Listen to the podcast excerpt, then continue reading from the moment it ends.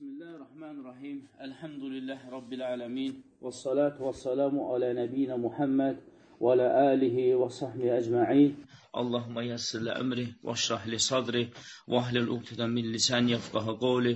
Allahumma allimna ma yanfa'una və anfa'na man lamtana innaka entel alimul hakim. Allahumma beyn lana haqqa haqqan varzuqna ittiba'ahu və beyn lana batila batilan və cunamin. Hər şeydən öncə qardaşlar Allah Subhanahu va Taala'dan təqvalı olmağı daima birimizə xatırlamalıyıq, tövsiyə eləməliyik. Çünki bir qul nə qədər çox bir-birinə Allah qorxusun tövsiyə edərlərsə və bir-birlərinə qəbul edərlərsə, Allahın izinə xeyr üzərində olarlar. Və həmçinin təqvanı tövsiyə eləmək nəbilərin, rəsulların, salihlərin öz qövmünü etdiyin gözəl nəsiyyətdir və həmçinin qardaşlar, Allah subhanahu ta'ala neymətlərini xatırıb şükür etmək lazımdır və həqiqətən də e, qulun neymətin artılmasına səbəb məhz Allah Subhanahu taalaya nemətinə görə etdiyi şükrün müqabilidir. Necə ki Allah Subhanahu Quran-Kərimdə buyurduğu kimi. Və inşallah qardaşlar Allahın izni ilə biz e, nəzərə alsaq ki, hər dəfə artıq e, mütəmadi olaraq xatırlama etmək lazımdır və məsləhət oldu ki, çox axtardım və qardaş e, Fərman qardaşını xahiş elədim ki, yəni bu kitabı tapdı, göndərdi. Deməli, kitab qardaşlar, deməli, Şeyx Fovzan Həfzəhullahın e, mühazirələrindən toplanmış 3 cildli kitabdır və kitabı e, Şeyx necə əvvəlində qeyd elədiyi kimi, özü ayrı-ayrı vaxtlarda, ayrı-ayrı yerlərdə e, etdiyi mühazirələrdir. Düzdür, hər bir mühazirə təxminən 2 saata yaxındır, amma həm burada tovhiddən var, həm əqidə var, həm dəvətdən bağlı, həm də digər ümmətin mühüm məsələlərlə bağlı mühazirələrdir. Və biz Allahın izni ilə e, çalışır, çalışıram ki, daha doğrusu çalışacağam ki, yəni e, əsasən şeyxin məzmunu, mətnini yox, çalışacağam ki, e, müəyyən dəlilləri qısaldıq. Çünki şeyx e, nəzər alsa ki, vaxtımız da bizim o boyda olmayacaq. Yəni bir saat, bir saat, 10 dəqiqə ancaq otura bilərik və həmçində uzun dərs olanda qardaşlar dinləmək də onlar üçün çətinləşir. Çünki biz artıq e, sosial şəbəkələr meydana gəlməklə demək olar ki, qardaşlarda tənbəlləşmə gedib. Hansı dərslər ki, yarım saatdan 40 dəqiqədə oynadı, onu heç kim qulaq asmır. Tez belə dala qabaq, dala ötürə-ötürə böyük xeyirdən özlərini məhrum edirlər. Ona görə alimlər deyir ki, günümüzdə nə qədər e, sosial şəbəkələr elmi öyrənmək, nəsə axtarmaq, tapmaq alimlər deyir ki, nə qədər çox hasandırsa, bir o qədər də çətindir.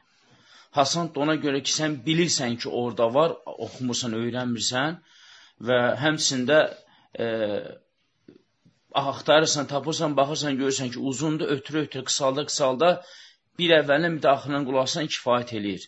Sənə elə gəl ki, bu kifayət oldu. Amma həqiqətən də e, müəllimin yanında oturmaq, alimlərin yanında oturmaq və üzbəüz dərs eşitmək bu həqiqətən də insan üçün çox böyük bir faydası vardır. Çox böyük faydası var. Daha da ona xeyri dəyir. Faydası daha çoxdur onun. Və həmçinin təsir baxımından da daha təsirlidir. Ona görə inşallah qardaşlar, e, mühazirəni, hər mühazirəni bir dərsə keçmək, yəni şərti ilə və e, ümumilikdə şeyxin məzmununu saxlamaq şərti ilə e, və dəlillərə ixtisara çalışacaq. Yəni, bəzi hər məsələdə bir-iki dəlillə kifayət edilər. Çünki şeyx burada həqiqətən də e, bir neçə Daha doğrusu elə məsələ var ki, 7-8 dənə dəlil gətirib, amma əlhəmdülillah 1-2 dəlillə də kifayətlənəcəyik. Deməli, şeyxin birinci mühazirəsinin mövzusu nədir? Şeyx qeyd edir ki, e, birinci mühazirə Bəyanu həqiqəti tohid əllədi cəət bihi ər-rusul və raddu şubhət əlləti uthirət havləhu. Deməli, birinci dərs e, e, həqiqi tohidin bəyanı, yəni həqiqi tohid nə deməkdir? Hansı ki onunla bütün nəbilər göndərilib, nəbilər rasullar tofiqlə göndərilib və onun ətrafında olan, yəni yayılmış şübhələrə rəddiyə.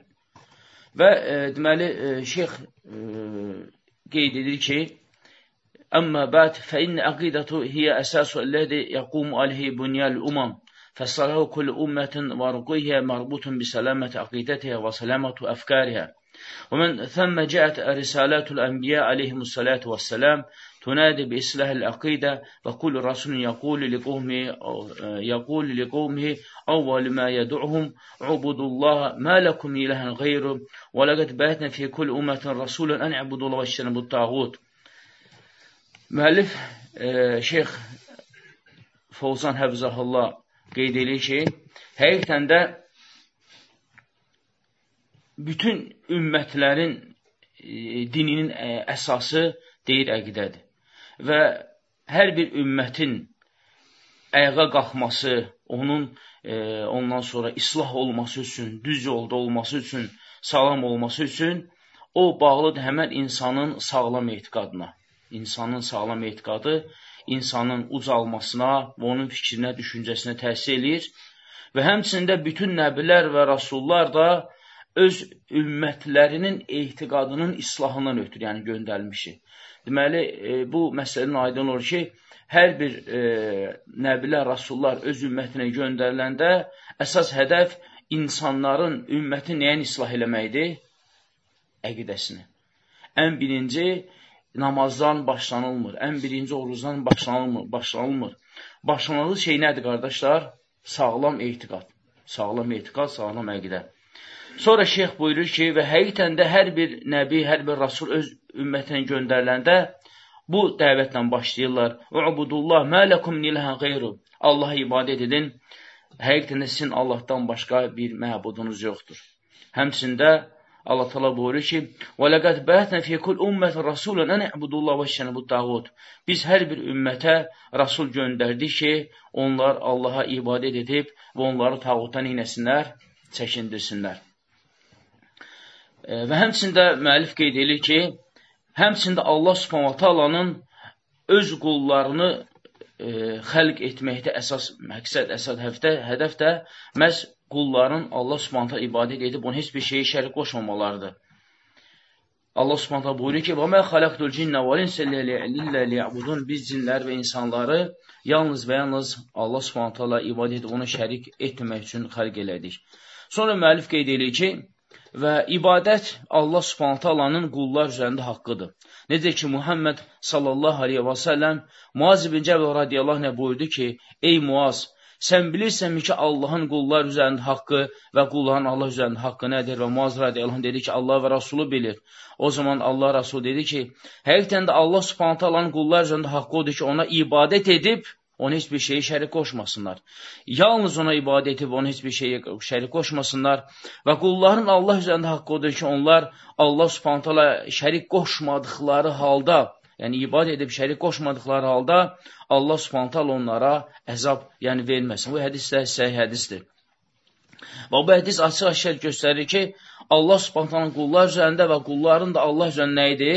Haqqıdır, hansı ki, İmam Abdülvahab Rahmallah Kitab-ı Tovhid ən birinci məsələdə gətirdiyi hədis məhz bu idi.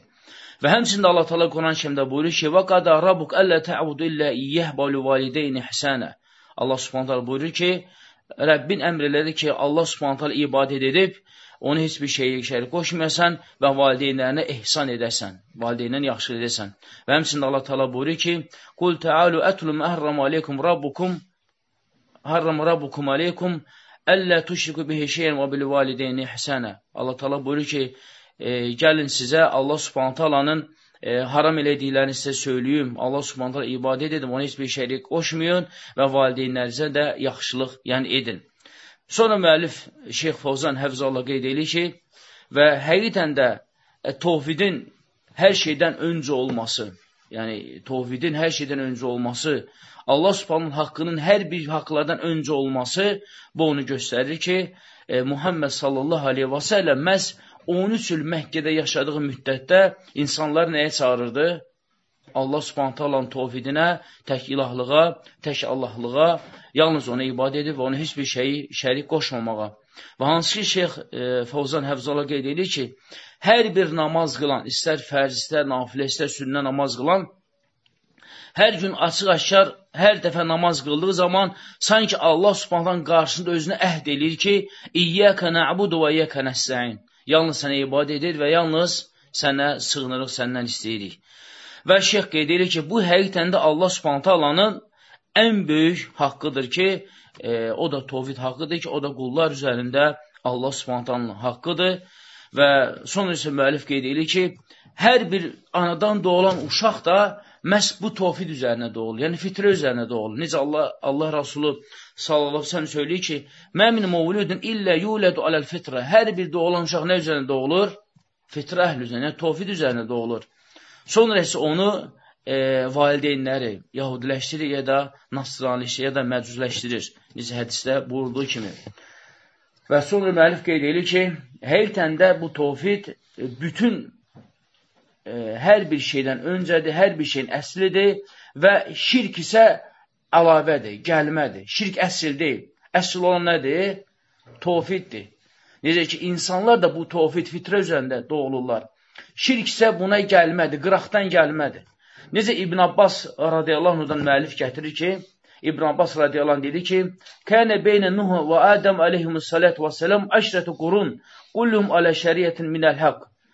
İbn Abbas radiyallahu anh dedi ki, Adəm əleyhissalamla Nuh əleyhissalama qədər 10 əsr idi. Bütün insanlar nə üzərində idi? Bir şəriət, tovhid üzərində idilər. İbn Qeym Rahmanullah buyurur ki, hədə huvə qovlu sahih fil əyə. Yəni, o ayədə deyir, e, racih də budur ki, bəli, Adəm əleyhissalama, Nuh əleyhissalama kimi o nəsildə heç bir şirk filan yox idi. Hamısı bir təqidə, bir tovhid üzərində idilər. Həmçində İbn, İbn Kəsir Rahmallah bu ayən təfsində qeyd edir ki, və avvalu məhədətə əşirkü fi qovmu Nuh hinə qalu fi salihin və stəkbaru ən davətə nəbihim. E, deməli, İbn Kəsir Rahmallah buyurur ki, ən birinci şirk deyir, Nuh əleyhissalamın deyir, qövmündə baş verdi.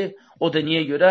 Salih insanlarda qulub elədiklərindən ötəri və həmçində öz nəbilərinin, rasullarının dəvətlərini qəbul eləmədiklərindən ötəri. Yəni, bunlar salihlərində qulub elədilər, hədlərini aşdılar və onlara göndərilən elçilərin, nəblərin isə onlara olan nəsiyyətlərin təkəbbülü ilə qəbul etmədilər. Necə onlar dedilər ki, və qalu lə tədarunna əliyyətəkum və lə tədarunna vaddan və lə suan və lə yəğutə və lə yəuqə və nasra. Necə onlar özlərinə tabi onlara dedilər ki, siz ilahlarınızı mı tərk edirsiniz? Siz e, Vaddı, Suağı və Yağusu və Yağuqu və Nası tərk etmək edirsiniz. Yəni, onlara, onlardan üzmü döndərəcəksiniz?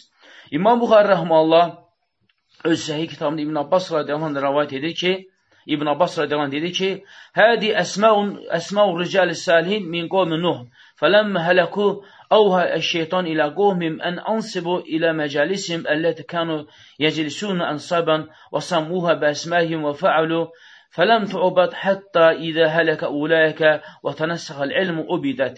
İbn Abbas radiyallahu anh rəvayət edir ki, bu həmən salih insanların adları idi.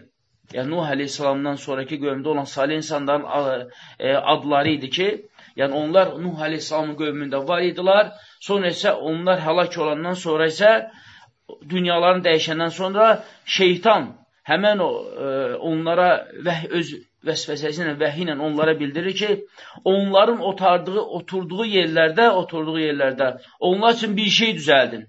Bir şey düzəldin və onları adlandırın. Və onlar da elə elədilər. Onlar üçün bir şey düzəltdilər və onları adlandırdılar, amma onlar ibadət olunmadı, onlara ibadət eləmədilər.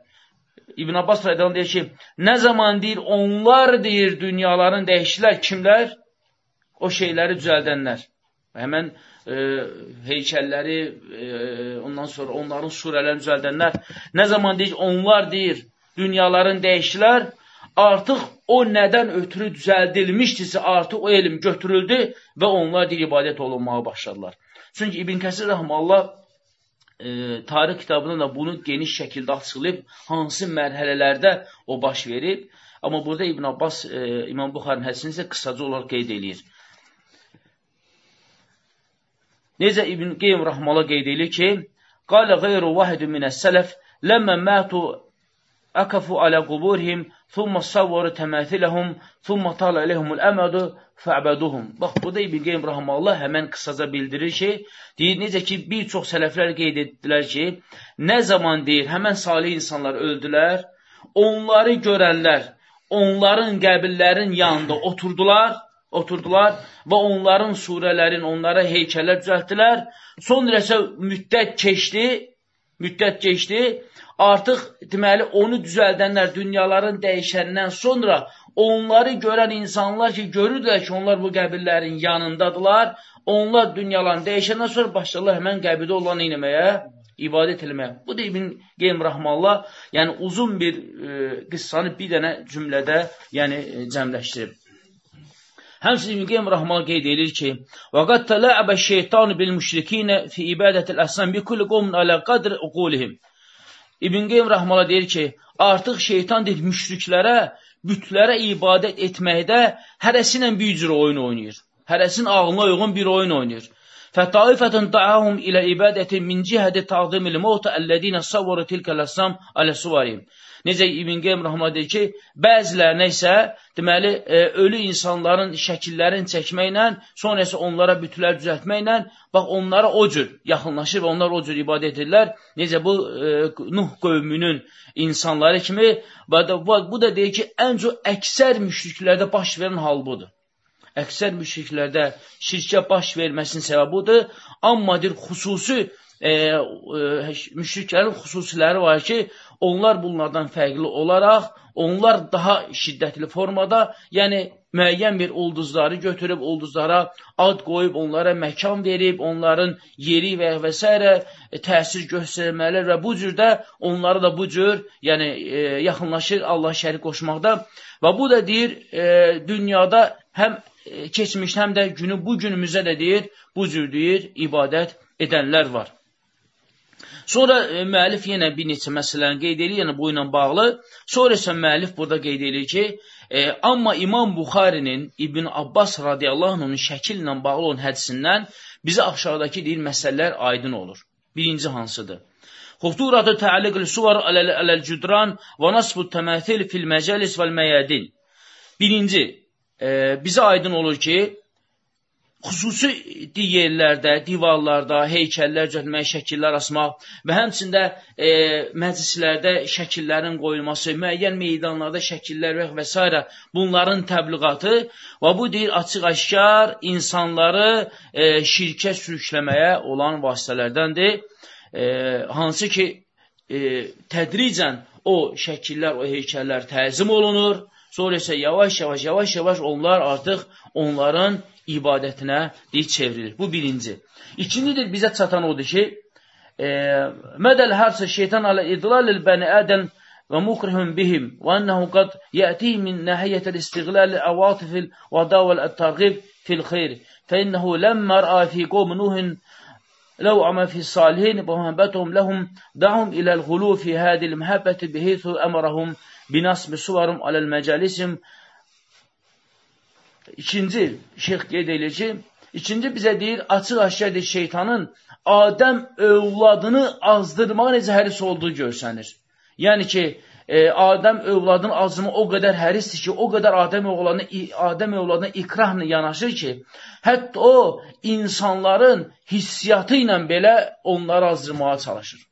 Yəni, nə zaman ki, deyir, e, bir qövmdə salih insan dünyasını dəyişir. Baxın, həmən hal bizim günümüzün insanları kimi. Yəni, baxırsan ki, e, deyirlər ki, filan seyid belə oldu, filan seyid belə geçsin. Və insanların şeytan emosiyasını o qədər oynayır ki, sən de, ağ, ağzı basıb desən ki, məsəl üçün, o vaxtı dünyasını dəyişib, Allahdan qor ağzın əyilər, o nə söz deyirsən filan bəs məkan və ya da ki, insanlar baxın görün nə qədər emosionallar ki, indi sizdə məşhur olmasa bilən bizdə Bakıda ətağa məsələsi var, ətağa peri var. Yəni onu görən, mən onu görənin şahidi ilə danışmışam. Qardaşın atası idi. 65, 58, 65-cində o düz içəri şəhərdə onun evinin düz yanında Moskoy uçilişin yataqxanasına qaldı. Hər gün deyir, bacısı götürürdü onu araba ilə, marojna, o paçimikli araba ilə, gətirib qoydu, bir dənə köhnə aptek vardı, onun qırağına, ağzının suya xaxa, əlində də kazbek, yəni camad onu fəqir miskin kimi qəbul edirdim. Yəni, Bakı balaca şəhər idi və camad sədəqəsini aparıb bu, bunun kimi insana verirlər. İndi baxın, görün, insanlar, gör şeytan necə insanların emosiyasından, yəni Şeyx Fovzan Həfzallan dedi ki, emosiyasını elə oynayır ki, yəni artıq ona yazığı gələ-gələ insanlar onu iniblər, ilahlaşdırıblar. Yəni o dərəcədə ki, artıq bunun üçün bugün nə də onun adı, e, böyük bir məqbərə, nə bilim, bu artıq o 65-ci ildə marojna aparatında gəzən bu insan artıq olub Allahın böyük bir övliyası və və s. Yəni, həqiqətən də şeyxin dediyi çox e, yəni yerinə düşdü. Üçüncü şərt qeyd edir ki, şeytan la yuksuru nazarahu la yuksuru nazarahu aləl iğval əcyalil hadira bəl e, yəmtaddu iləl əcyal müstaqbələ. Üçüncü deyir, bizə bu e, məsələdən aydın olan odur ki, şeytan deyir, öz deyir, insanları azdırmaq düşüncəsini və deyir, bu, bu, bu nəsillə deyir, kifayətlənmir. O deyir, hara baxır? Gələcək nəsillərə baxır. Çünki nə zaman ki, e, Nuh Aleyhisselamın qövmündə olan salih insanlar öldü. O birdən-birə onlara ibadət edin etdirə bilməzdi. Çünki onlar onları görənlər bilirlər ki, bunlar Allaha ibadət eləyir. Və şeytan öz e, hədəflərini, yəni öz insanlara acırmaq planlarını gələcəyə uyğun qurur. Sonraki nəsillərə. Yəni deyir, mən bugün bunu eləyə bilmərəm, Amma bu bunun başlanğıcı. Mən bunu bu cür başlayayım və bu cür də eləyir. Sonra isə o qövm gedəndən sonra növbəti qövm isə artıq onu artıq Allaha şərik qoşmaq kimi eləyir. Ona görə e, məhz bu baxımdan e, bu baxımdan da təbii ki, e, şeyx qeyd edir ki, hər bir e, şirkə vəsilə olan e, bidətlər və s. bunların qapısı mütləqən olaraq bağlanmalıdır. Yəni, açıq qoymaq olmaz. Demək ki, əgər problem yoxdur, heç nə olmaz. Problem yoxdur, heç nə olmaz. Çünki bu problem yoxdur, heç nə olmazdan axırara gəlib çıxır. Bax, bu cür Allaha şərik qoşmaqlar Allah qorusun. Dördüncü şəkk edilir ki, Ənəhu lə yəcüz ət-təhsəl fi vəsəli şər, bəl yəcib qat və vəsədu bəbəhə. Dördüncü şəkk bizə aydın olandır ki, e, deməli, şərrə vəslə olan qapıları səhlənkarlıq eləmək lazım deyil. Hansı qapı ki, səhlənkarlıq aparış şərə aparırsa, onu nə etmək lazımdır? Dərhal onun qabağını kəsmək lazımdır. Və şərrin qabağını kəsmək məsələsində səhlənkarlıq eləmək olmaz. Məsəl üçün, günü bu gündə bəzi e, ibadət əhli var ki, tutam ki, məsəl üçün, məktəbdə e, Novqotdur, Novruzdur, yəni filan, e, demirəm, bidət bunlar birbaşa olaraq əhli kitabın, mədrüslərinin bayramından bağlandır. Hətta bidət bayramlar olanda belə, deyir, uşaqdır da, o nə qanır, qoy geçsin, böyüyəndə eləməz. Hak sözdür, batıl sözdür bu.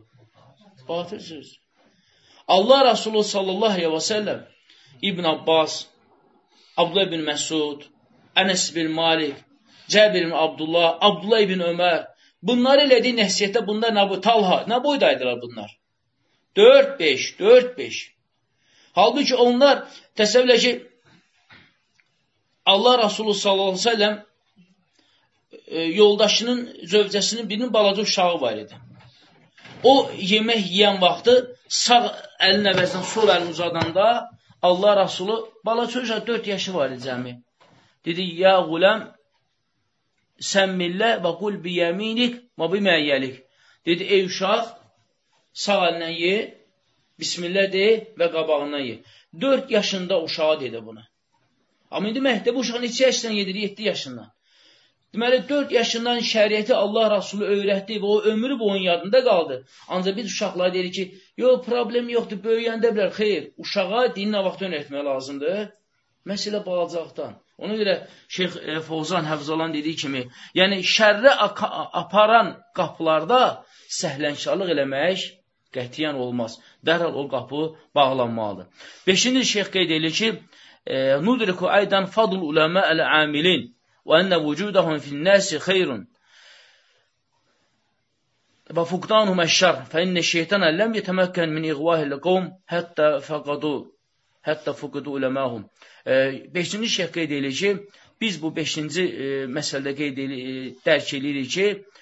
dinlərinə əməl edən alimlərin fəzilətini deyir, biz artıq dərk eləyirik, başa düşürük və deyir, həqiqdən də onların mövcudluğu insanlar içində xeyirdir və onların olmamağı isə şərdir.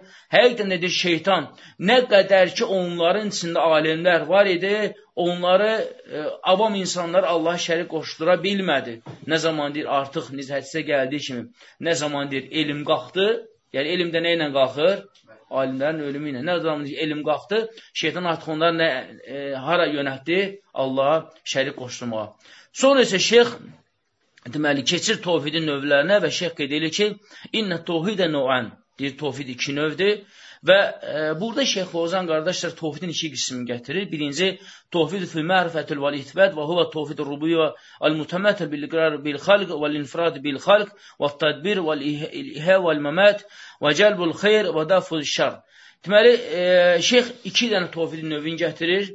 Birinci, e, tovhidül mərifətü vəl ithbət. Hansı tovhiddir? Rububiyyə tovhidi.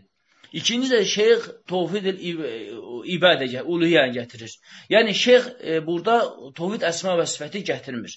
Amma şeyxin rububiyyədən e, gətirdiyi məsələlərə baxırsan ki, şeyx sanki rububiyyən asma sifəti bir yerə cəm elib. Çünki şeyx burada, deməli, rububiyyə aid olan dəllər gətirir ki, Qul mən yarzukum minəs-səmai vəl-ard əmmən yamliku əs-səmu vəl-əbsara və mən yuxricul həyyə minəl-meyt və yuxricul meytə minəl-heyy Və mən yudabbirul əmra fəsəqulun Allah fəqul əfələ təttəqun. Deməli, şeyh qeyd edir ki, birinci tovhidin növü tovhid e, e, mərifə və isbətdir və o rububiyyədir, hansı ki, insan iqrar edir ki, Allah subhanət hala xəlq edəndir, Allah subhanət hala e, tək müdəbbirdir, öldürəndir, dirildəndir və insanlara xeyri e, yönəldən və insanlardan şərri uzaqlaşdıran Allah subhanət haladır və şeyh qeyd edir ki, və bu məsələdə az bir insanlar var ki, bu məsələdə Allah şərik qoşurlar. Yəni, rububiyyədə əksər insanlar, əsl, əksər müşriklər, rububiyyədə Allah subhanət hala heç bir şeyi şərik qoşmurlar. Necə ayədə Allah tala buyurur ki, e, de onlardan soruş ki, e, onları səmadan kim ruziləndirir və eşitməyi, görməyi kim qadirdir? Diridən ölünü, ölüdən dirildini kim çıxardır və yeri göy kim idarə edir, deyəcəklər Allah subhanətə Allah sonra isə buyurur ki, Fəqul əfələ təttəqun, məgər siz Allahdan qorxmursunuz. Yəni, açıq-aşkar müşriklərdən soruşsan ki, yeri göy kim yaradıb, nə deyəcəklər? Allah. Öldürən dirildən kimdir? Allah. Ruzu verən kimdir? Allah. Yəni, az bir qövm tayfa var ki, onlar ə, e, rububiyyət Allah subhanətə alaya şərik qoşurlar. Və həmçində Allah Taala e, Muhammed sallallahu əleyhi və səlləmi də müşriklərin üzərinə göndərəndə və e, o zaman müşriklər Allah Rəsulü müşrikləri tövhidə çağıran, dinə çağıranda onlar qayıtdılar dedilər ki: "Əcələl əlihətə iləhən vahidə in hədə illə şeyin ucəb." O zaman Muhammed sallallahu əleyhi onlara e, tovhidi elə ilahlarına onlara çatdıranda onlar dedi ki, məgər sən bizim ilahımızı bir ilah mı etmək istəyirsən? Bu çox təəccüblü bir şeydir. Yəni e, bilmədiyimiz bir şey, təəccüblü bir şeydir. Və təbii ki, e, əksər insanların insanların e, deməli o, rububiyyədə Allah Subhanahu taalaya heç bir şeyi az bir halda şərik qoşanlar var. Yalnız rububiyyədə Allah subhanətə alə şərik qoşanlar, necə müəllif qeyd elədiyi kimi, dəhriyələrdir. Dəhri ilə hansı ki, zamanla, təbiətlə bağlayanlar, necə onlar deyirlər ki, وَقَالُ مَهْيَ إِلَّا حَيَاتُنَا دُنْيَا نَمُوتُ وَنَهْيَ وَمَا يُهْلِكُنَ إِلَّا دَهْرِ Onlar deyirdilər ki, e, bizim yaşamağımız da, ölməmiz də bu dünyadadır e, və bizi öldürən də, dirildən də yalnız deyir zamandır, yəni dəhrin ilə özüdür. Yəni, bir dənə bu tayfadır ki, e, götürəndə onlar rububiyyət Allah subhanətə şərik qoşurlar Amma digər e, müşriklər isə rububiyyədə deyil, onların Allah subhanətə ilə şərik qoşmağı məhz e, uluhiyyə, yəni ibadət, yəni tovhidindədir. Sonra şişək qeyd edir ki, e, amma ibadətə gəlincə isə ibadət ismun cəmin li kulli mən yuhibbullah və yardahu minəl əməl və ləqval əz-zahirə vəl-batinə. E, Şeyx qeyd edir ki, ibadət o e, bir sözün cəmidir ki, hansı ki Allah Subhanahu o sözdən razıdır, o söz əməldən razıdır. O isə daxili e, və batini söz əməldən, yəni e, daxili və batini söz əməldən ibarət olan e, əməl toplumuna nə deyilir? Yəni ibadət deyilir. Bu tərif də İbn Teymiyyə rəhməllahın tərifidir. Və həmçinin sonra şeyx qeyd edir ki, e, açıq aydındır ki, tovhid-i rububiyyəni iqrar eləyən insan o ilzam olunur ki, tovhid-i ubudiyyanı da e, qəbul eləsin. Çünki Allah Teala Quran kərimdə buyurur ki: "Zəlikumullah rabbukum la ilahe illahu xaliqu kulli şeyin fa'buduhu və huve ala kulli şeyin qadir." Bax burada Allah Teala buyurur ki, bil ki o sizin Rəbbinizdir. Tövhid rububiyyə, la ilahe illahu. Ondan başqa ibadətə layiq olan məbud yoxdur. Xaliqu kulli şey nədir? Rububiyyədir. fə'buduhu. Sonra isə neyinir? Deyir, ona ibadət edin. Və huvə alə kulli şeyin vakil. Yəni, Allah subhanətə bu ayədə bildirir ki, Allah subhanətələ e, sizin Rəbbinizdir. Yəni, bu tohid rububiyyədir. Lə iləhə illəhu, ondan başqa ibadə layiq olan məhbud yoxdur. Xaliq kulli şey, tohid rububiyyədir. Və Allah subhanətə Rəbb olduğu halda, xaliq olduğu halda ibadətə layiq olan da kimdir? məhz yenə də Allah subhanahu taala da Allah təala buyurur ki, "Fa'buduhu", ona ibadət edin və o alə kulli şeyin vakil, o hər bir şeyə vakildir. Həmçinin Allah təala buyurur ki, "Və in sa'altum men khalaqa semawati vel arda la yaqulunna Allah, qul afaraytum ma tad'un min dunillahi in aradana Allahu bidurrin hal hunna kashfatu durrihi am aradani bi rahmatin hal hunna muqsimatu e, mumsikatu rahmeti." Eyni ilə bu ayədə Allah Subhanahu buyurur ki, əgər onlardan soruşsan ki, e, yerin göyün xaliqi kimdir? Onlar deyəcəklər ki, Allah subhanətə Allah. Əgər görsən ki, Allahdan başqa e, ibadət etdikləriniz, əgər Allah subhanətə mənə bir zərər vermək istəsə, onlar onu tutub saxlaya bilərlərmi? Və ya Allah subhanətə mənə bir xeyir versə, onlar onu saxlaya bilərlərmi? Və təbii ki, yox. Və burada da e, açıq-aşkar Şeyx Fozan Həfizahullah deməli, rububiyyələ uluhiyyənin bir-birinə bağlılığını gətirir. Yəni, rububiyyəni iqrar eləyən insan, o ilzam olunmalıdır ki, nəyə də qəbul eləsin?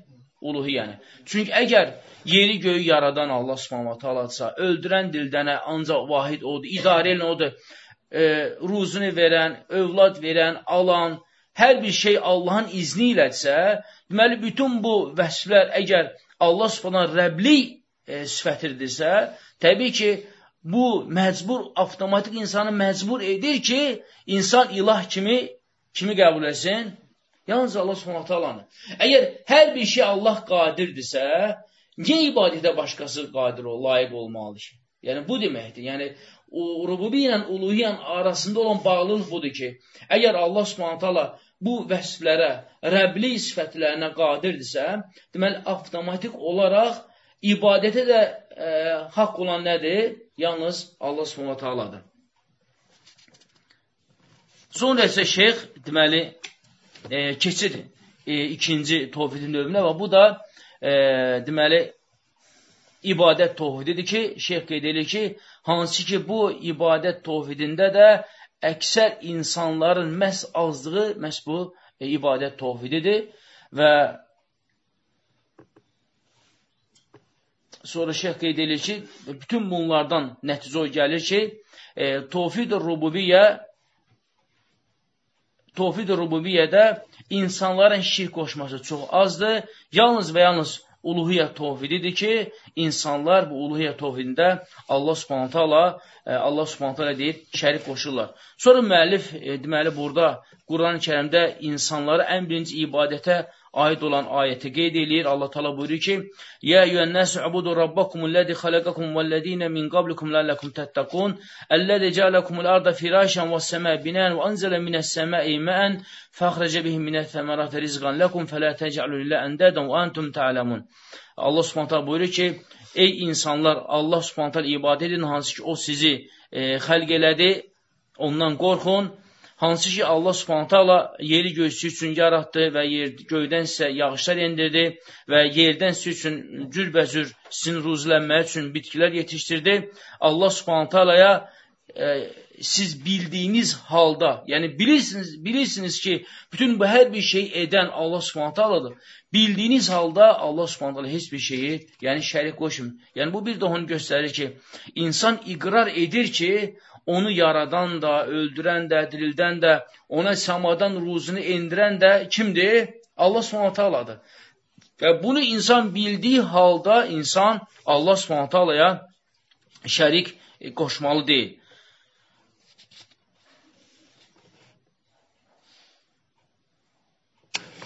Sonra isə müəllif e, deməli, lə ilhəladan danışır. Müəllif qeyd edir ki, e, lə ilhəlallah kəlməsi də E, əl-vara e, vara məsələsidir. İnsan, yəni birinci qismində e, bütün Allahdan başqa ibadət onları inkar eləyir. E, yalnız e, Allah Subhanahu taalanın haqq ibadət, haqq məbud olduğunu, yəni qəbul edir və müəllif qeyd edir ki, e, deməli la ilaha illallah kəlməsinə gəlincə isə insanlar bu kəlmədə 3 növdülər. Birinci növ odur ki, fəmən qala hadil kəlmətə arifən li mə'naha, amilən li muqtadaha və itbətil vəhdəniyyə lilləh ma etiqadə zəlikə və əməl bih və huvə muslim, muslimun haqqan. Müəllif qeyd edir ki, və kim bu lə iləhə iləl kəlməsini mənasını bilərək deyərsə və onun tələb etdiklərini əməl edərsə və şirki uzaqlaşdırarsa, yalnız Allah subhantanın tovfidini ispat edərsə və onu etiqad edərək və onu əməl edərsə, o deyir, həqiqi müslim odur. Bu birinci qismdir. İkinci qism müəllif qeyd edir ki, və mən qaləhə və amilə bi muqtada zahiran min qeyri i'tiqadin fil qalb və huva munafiq. Amma deyir, kim bunu deyərsə və onun tələb elədiyin əməl edərsə, amma zahiri olaraq, amma onun əksini etiqad edirsə, o nədir? O deyir, münafiqdir. Üçüncü isə müəllif qeyd edir ki, və mən qaləhə bilisəni və amilə bi xilafihə minəşşirki əl-munafiq limədluliha və huva kafirun və ləv qalə miraran və, təkraran. Müəllif qeyd edir ki, amma kim bunu tələfiz eləyərsə, amma onun xilafını əməl edərsən, yəni lə iləhlə deməyinə baxmayaraq, e, lə iləhlərin ziddini olan yəni əməllər, şirk olan əməllər edər və onun mənasını da düşünməz və o da deyir kafirdir, hətta bunu e, dəfələrlə və təkrarla belə desə də belə. Necə ki, müəllif qeyd edir ki, bir kimsələr lə ilə illallah dediyi halda sonra isə deyir Əl-mədədu ya Abdülqadir. Yəni Abdülqadir Ceylanini e, yardım istəyərək yanı çağırırlar və müəllif qeyd edir ki, və təbii ki, e, bütün bunların onların lə ilaha deməyinə baxmayaraq onlar e, yəni müsəlman deyirlər, onlar deyir, yəni kafir sayılırlar. Sonra isə müəllif qeyd edir ki, ibadətdə şirk isə O, Allah subhanətələ haqq olduğu ibadətləri Allahdan başqasına yönəltməkdir. Allahdan başqasına yönəltməkdir. Və bu baxımdan da e, müəllif qeyd edir ki, şirkin iki növü var. Böyük şirk, hansı ki, insanı İslam dinindən çıxardır. Misal üçün, Allahdan başqasına qurban kəsmək, Allahdan başqasına dua eləmək, e, hansı ki, və yaxud da ki, Allaha aid olan ibadətləri Allahdan başqasına yönəltmək, bunlar hamısı böyük şirkdir. Amma kiçik şirk isə o insanı dindən çıxartmır, ancaq onun tovfidini naqisləşdirir və bu cür davam eləyərsə həmən insanı böyük şirkə deyir, sürükləyir. Misal da şeyh gətirir ki, Allahdan başqasına and içmək və çoxlu riya, həmçində Allah istədi və sən istədin, əgər Allah olmasaydı və sən olmasaydın və bu kimi sözlər deyir kiçik şirkdir, amma bu deyir davamlı uzun halda olarsa və bu deyir insanı böyük şirkə deyir, yəni sürükləyir. Sonra isə müəllif burada e, bu e, deməli mühazirədə sonuncu mövzunu qeyd edir. Deməli, e, əvvəlki məsələdə qeyd etdiyimiz kimi müəllif deməli e, tovhiddən danışdı, tovhidin növlərindən danışdı və deməli e, ibadətə olan şirkin növlərindən danışır. Sonra isə müəllif qeyd edir ki, və baxmayaraq bu cür e, tovhidin açıq-aşkar olmağına baxmayaraq və e, tovhidin, yəni həqiqi tovhidin ətrafında deyir, şərik qoşanların müxtəlifdir şübhələri var. Və indi isə keçəcək şübhələrə 13-14 dənə təxminən şübhədir. Amma birinci şübhə müəllif qeyd edir ki, şübhədun təkadu təkunu müştərkədən beynə tavafil müşrikinə fi müxtəlifil umam el-qadimən və hədithən. Deməli, birinci hansı şübhədir? Şeyh qeyd edir ki, bu şübhə deməli, keçmiş və günümüzdəki müşriklərin demək olar ki, ittifaq elədiyi şübhədir. Yəni, keçmişdəki müşriklər və günümüzdəki müşrikləri ittifaq elədiyi şübhədir. O da şübhə hansıdır? Hiyyə şübhədur ehdicac bimə aleyhil əbə və ləccət. Yəni, ata-babalarımızın bu üzərində olması şübhəsidir. Necə ki, Quran-ı kərimdə də biz buna rast gəlirik ki, bizən əvvəlki ümmətlərin öz qövmlərinə, təbliğat apanlar nə deyirlər və həmçində günümüzdəki bu gündəki kimi. Yəni, rafizlər və digər Allah şərik qoşanlara tovhiddən danışanda deyirlər ki, biz, biz atamızdan bu cür görmüşük və yaxud və s. Müəllif qeyd edir ki, onlar bu əqidəni e, sanki öz dədə-babalarından götürülməş kimi insanlara e, şübhələ, insanlar bu şübhəni atırlar. Necə Allah Taala Quran kərimdə buyurduğu kimi: "Və kədəlikə mə arsalna min qablikə fi qaryatin min nazirin illə qala mutrafuha inna vəcədna aba'ana ala ummetin və inna ala athari muqtadun." Müəllif qeyd edir ki, Allah Subhanahu Quran kərimdə buyurur ki, və həmçinin deyir, biz elə bir kənd olmaq ki, ora bir e, müjdəsi, e, elçi göndərməyək, oranın sakinləri dedilər ki, biz ata-babalarımızı bu, e, bu din üzərində görmüşük və biz də onların yolları ilə də gedəcəyik, yəni onların yolları ilə davam etdirəcəyik. Müəllif qeyd edir ki, bu şübhəni kimlər deyirlər?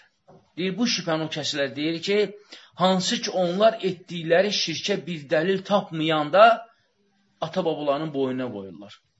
Yəni, tam ki, bir rafizini qoy qabağa, bir sufini qoy qabağa, bir Allah şərik qoşan bir bəndəni qoy qabağa, başla ona tovfiddən danışmağa, nə zaman ki, sənin dediklərinə bir dəlil tapa bilməyəndə nə deyəcək? Biz dədə babamızdan bu cür görmüşük. Elə də elə deyil.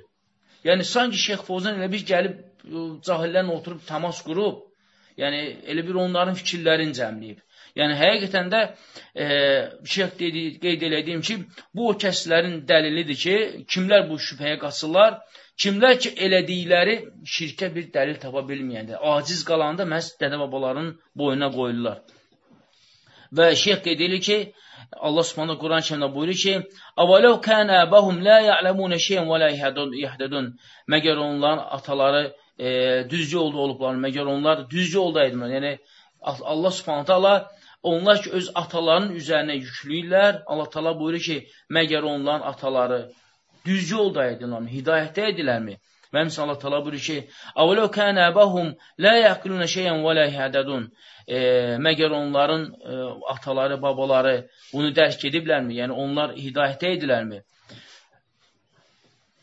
Amma şək qeyd edir ki, bəli deyir, ata-babalara, əzdadalara iqtida eləmək olar.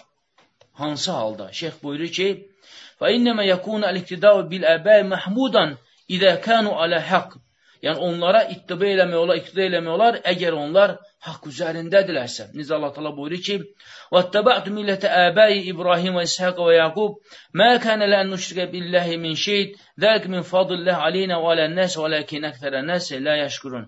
O zaman Yusuf əleyhissalam türmədə tovhid dəvətini təbliğat eləyəndə və ondan soruşanda ki, sən bunu kimlərdən öyrənmirsən, kimlərdən bildin?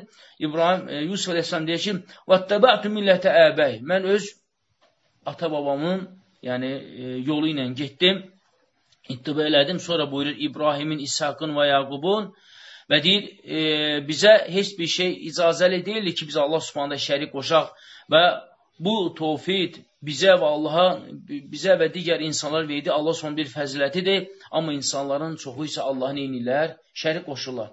Ayət onu göstərir ki, bəli, insan ata-babasının yolunu iqtida eləyə bilər, əgər ki, ata-babası tövhid üzərindədir, haqq üzərindədirsə. Həmçinin Allah buyurur ki: "Vallədin əmənu vəttəbə'tumuz zurriyyətəhum biman əlhaqna bihim zurriyyətəhum."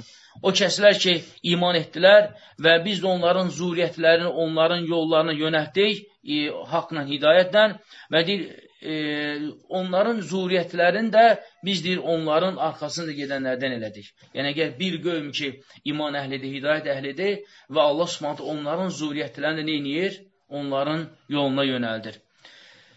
Həmçin şeyh qeyd edir ki, və bu şübhə də təbii ki, e, müşriklərin e, çoxunun qəlbində bu şübhələr var və bunu da e, müəllif burada qeyd edir ki, o zaman ki, nəbilər, rasullar öz qövmünə göndərilən zaman o qövmlərinə, nəbilərinə, rasullarına elədiyi etirazların müqabilində deyir, bunu işlədiblər və sonra şeyh burada gətirir Salihin qövmü, ondan sonra Şueybin qövmü, İbrahim qövmü, Fironun e, qövmü və həmçində bütün e, Muhammed s.ə.v qövmü və dəvət edilən qövmlər öz nəbilərinə, rasullarına elədikləri etirazın, yəni müqabilləri olub.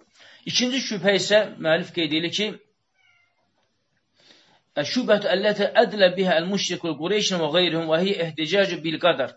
Deməli, ikinci şübhə hansı? İkinci şübhə isə müəllif qeyd edir ki, burada həm deyir, müş, e, deməli, e, müşriklər, Qureyşin müşrikləri, həmçinin qeyri-müşriklər bu, bunu özləri üçün şübhələ, bu şübhəni atıblar. O da nədir? Qədərə, e, qədərin boynuna atmaq. Lordun desə, qədərin boynuna atmaq.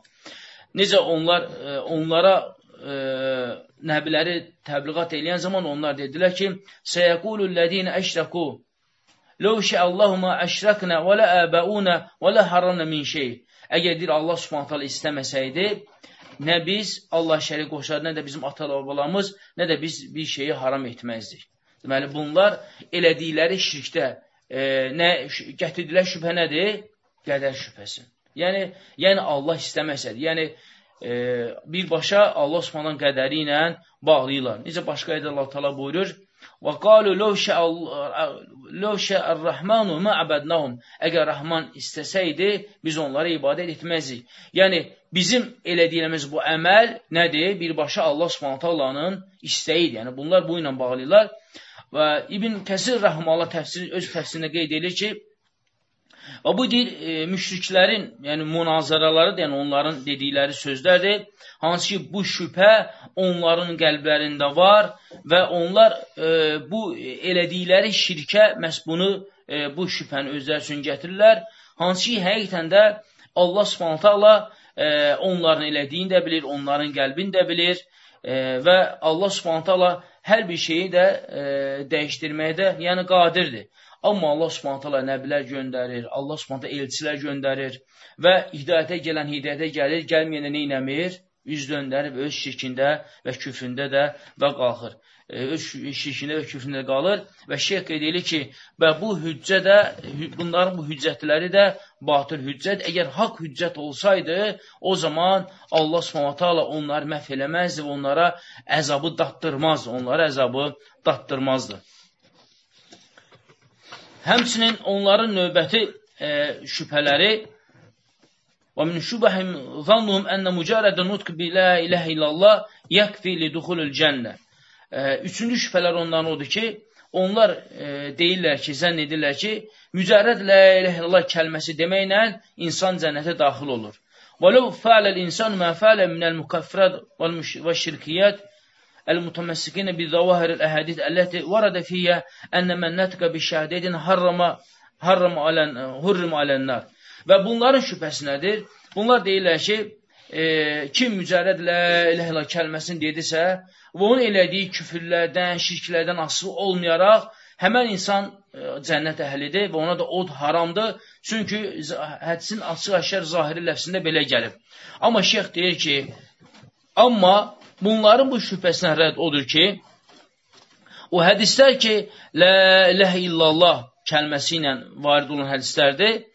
Hədislərdə qeyd olunur ki, və mətə aleyhiyyə vələm yunaqidhə bişir. Yəni, insan Lə iləhə illallah kəlməsi deyərsə və o kəlməni hansı bir şirk əməllə pozmazsa. Yəni, müzərrəd kəlmə dedin, sonra git nə istəyirsən elə, bu elə deyil. Yəni, insan Lə iləhə illallah kəlməsini deyir və onu pozan əməllər eləmir. Onu pozan əməllər eləmir. Hansı ki, sonra müəllif burada hədislər gətirir ki, Utban radiyalan hədisindədir ki, Fə inna Allah har, qad harramu alənnər mən qalə lə iləhə illallah yəbtəq bidəlqə vəcəhəllah.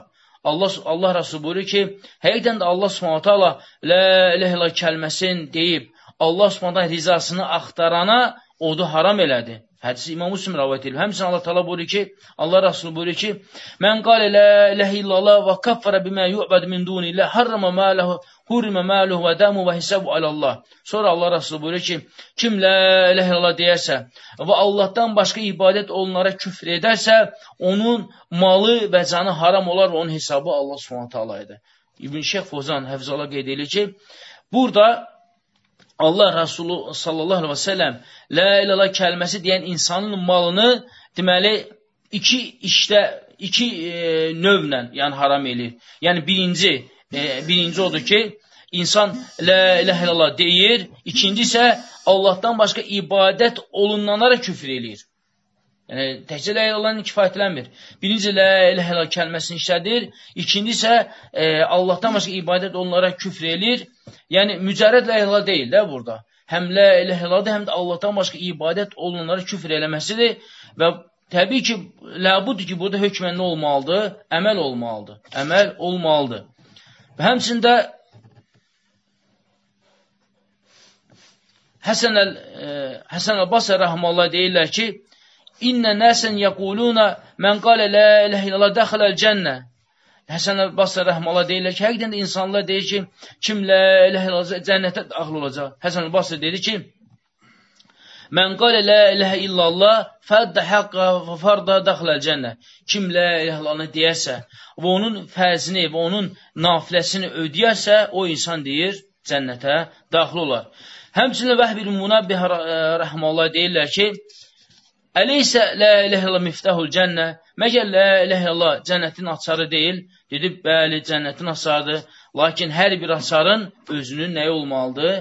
Dilləri olmalıdır. Əgər sən açar gətirsən və onun e, dilləri ona uyğun deyilsə, o həmən açar, həmən qapını açmayacaqdır. Və əgər La ilallahın özünün şərtləri və əməlləri varsa, bəs onda necə ola bilər ki, insanlar mücərrəd la ilallah desin, və ondan kifayətlənsinlər və eyni zamanda lə iləhlə zid olan əməllər eləsinlər və bununla da onlar deyil, cənnətə daxil olsunlar. Və bu da e, şeyxin dediyi kimi onların e, mücərrəd la ilaha kəlməsi deyənlərin şübhəsinə cavabıdır.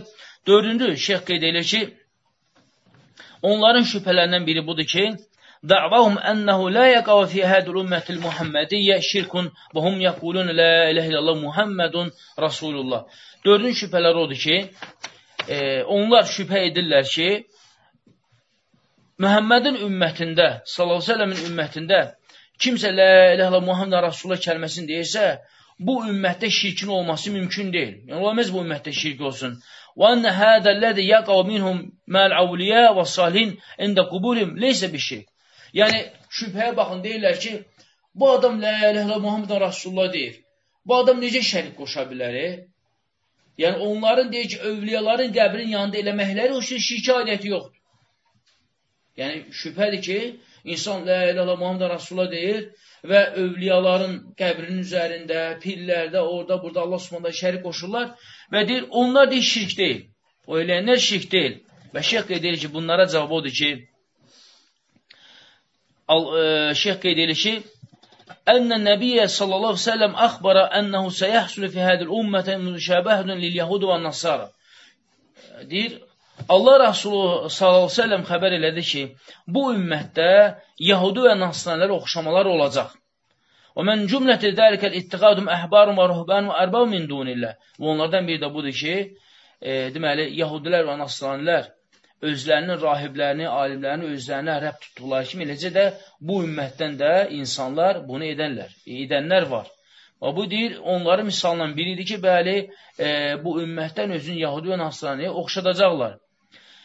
Necə Allah Rasul bir hədisdə buyurdu kimi, Lətəttəbi'unə sınanən mən kənə qabləkum şibran şibran, ziran və bizra, hətta ləv dəxalə cührə dabın e, təbəhtumuhu. Qulna ya Rasulullah, əl-Yahudu və Nasar qal, fəmən. Necə Allah Rasulü buyurur ki, deyir, siz, e, sizdən əvvəlkilərin arxasınca addım-addım qarış-qarış gedəcəksiniz. Addım-addım qarış-qarış. Hətta onlar dab, dab ərəblərin yedikləri belə e, kəhtängələ formasıdır. E, çünki onun e, xüsusi dadı var. Yəni o qədər dadlıdır ki, o yuvasına girəndə baxmırlar, onun orada əqrab var, ilan var onu götürməkdən ötürü hətta əllərin belə onun dalınca salıb götürürlər. Və Allah Rasul buyurur ki, siz sizdən əvvəlki ümmətlərin arxasınca addım-addım qarış-qarış izləyəcəksiniz.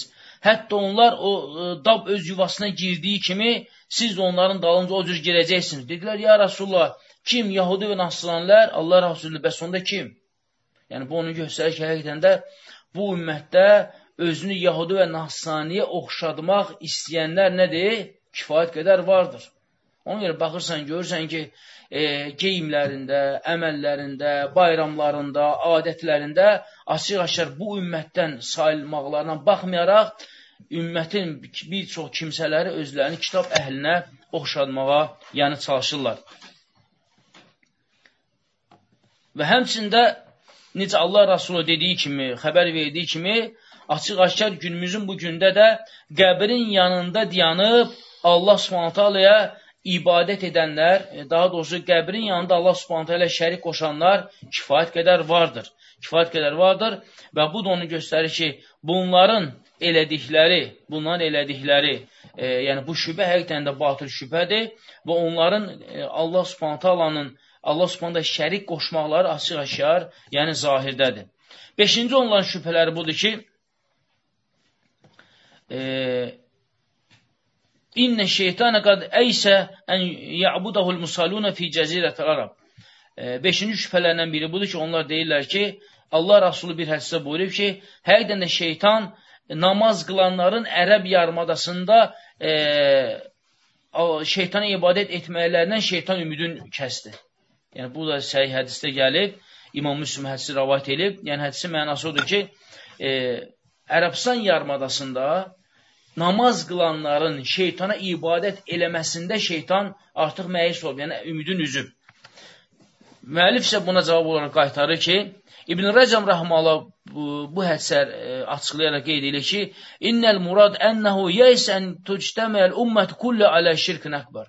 Deyir, hədisin rəddiyəsi, hədisə rəddiyə budur ki, yəni kim ki bunu e, ümumiyyətlə şirk olmayacağa dəlil gətirirsə, İbn Rəcəb rəhmələ buyurur ki, bu ona dəlildir ki, ümmət böyük şirkdə ittifaq eləməyəcək. Yəni, bütün ümmət böyük şirkdə ittifaq eləməyəcək. Bəli, ümmətin içindən, hətta Ərəbistan yarımadasında Allaha şərik qoşanlar olacaq, şəhərdə ibadət edənlər olacaq. Amma ümmət ümumi halda böyük şirkdə ittifaq eləməyəcək. Necə ki, hər bir əsrdə e, olub. Allah şərik qoşanlar da olub, onlara haqqı çatdıranlar da olub, ondan mübarizə aparanlar da olub.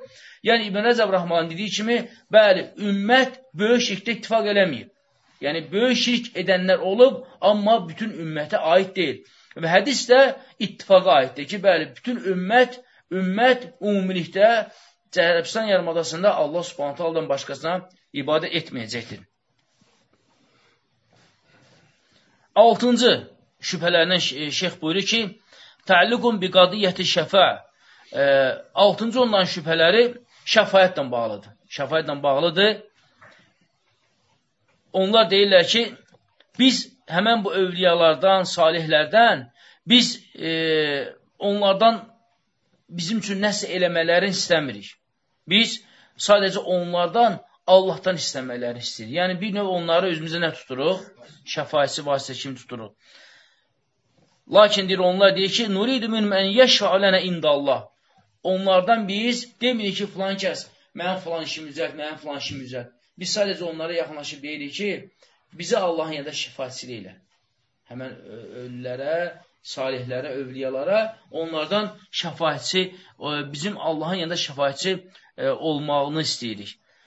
Lənəhum əhlus salah və məkanətun indallahi subhanahu və teala və şəfəətü thəbitən bil kitab və sünnət və hədəllədi nuriduh minum. Deyir, bizim etiqadımız Quran və sünnəyə zidd deyil. Çünki Quran və sünnədə deyir, şəfayət haqdır və onların da Allahın dərgahında məkanı var, hörməti var və bizim də istədiyimiz, yəni onlar bizə Allaha şəfayət eləsin. Başqa heç bir şey istəmirik. Və şeyx bunların bu hissəyinə cavab olaraq bildirir ki, eyni ilə bunların dedikləri müşriklərin dediyi iddiadır. Yəni, eyni ilə günümüzdəki e, müşriklərin iddiaları elə bizdən əvvəlki e, ümmətlərin şirk qoşanların elədikləri etiqaddır. وَالَّذِينَ اتَّخَذُوا مِنْ دُونِ لَا أَوْلِيَا مَا نَعْبُدُمْ إِلَّا لِيُقَارِبُنَ اللَّهَ زُلْفَ O kəslər ki, e, Allahdan başqasına ibadət, övliyalar ibadət etdilər, onlar dedilər ki, biz onlara ibadət etmirik, yalnız al bizi Allah yaxınlaşdırsınlar deyə. Yəni, eyni, eyni, yəni heç bir şey fərq yoxdur. Sonra Allah təala buyurur ki: "Və ya'buduna min dunillahi ma la yadurhum və la yanfa'uhum və yequlun haula şifa'un indallah." Deyir onlar Allahdan başqasına ibadət edirlər hansı ki, onlar onlara bir xeyir verə bilər, bir zərər verə bilər və onlar deyirlər ki, onlar bizim Allahın yanında şəfaətçilərimizdirlər. Amma şeyx buna ə, e, rədd olaraq bildirir ki, şəfaət haqdır. Şəfaət haqdır və şəfaət Allahın mülküdür. Allah Teala buyurur ki: "Qulillahi şəfaətu cəmiyan lehul mulku semawati vel ard." De, şəfaət bütünlüklə Allaha məxsusdur. E, yer, göy də Allahın mülküdür. Və müəllif qeyd edir ki, şəfaət Allahdan istənilir, ölülərdən istənmir. Və şəfaətin iki şərti var. Birinci, Allahın izni, yəni e, şəfaət eləmək istəyən ona izin verilməlidir. İkinci isə şəfayət olunandan Allah təala razı qalmalıdır. Allah təala buyurur ki: "Mən dəlləzi yeşfa'u indahu illə bi'izni." Yəni e, Allahın yanında şəfayət eləmək istəyən yalnız kimin izni ilə eləməlidir? Allahın izni ilə. İkinci şərt isə, yəni şəfayət olunandan ondan Allah razı qalmalıdır. Sözündən və əməlindən Allah razı qalmalıdır. O da tövhid əhli və mömin olmalıdır. Allah təala buyurur ki: "Və la yeşfa'una illə limen irtada." Şəfaət edənlər yalnız Allah subhanətən razı qaldığı qullara şəfaət edə biləcəklər. Ona görə e, bir kimsə əgər özü Allah subhanətələyə şərik qoşursa, müşriksə və, və s. onların qiyamət günü onlara şəfayətçilik keçəcək, keçməyəcək. Keçməyəcək. Keçməyəcəkdir. Yəni, şəfayət kimlərə xasdır? Tovhid əhlinə, iman əhlinə aiddir. Şəfayət tovhid əhlinə, iman əhlinə aiddir və müşriklər ümumiyyətlə şəfayət keçmir və məqbul da şəfayət deyildir.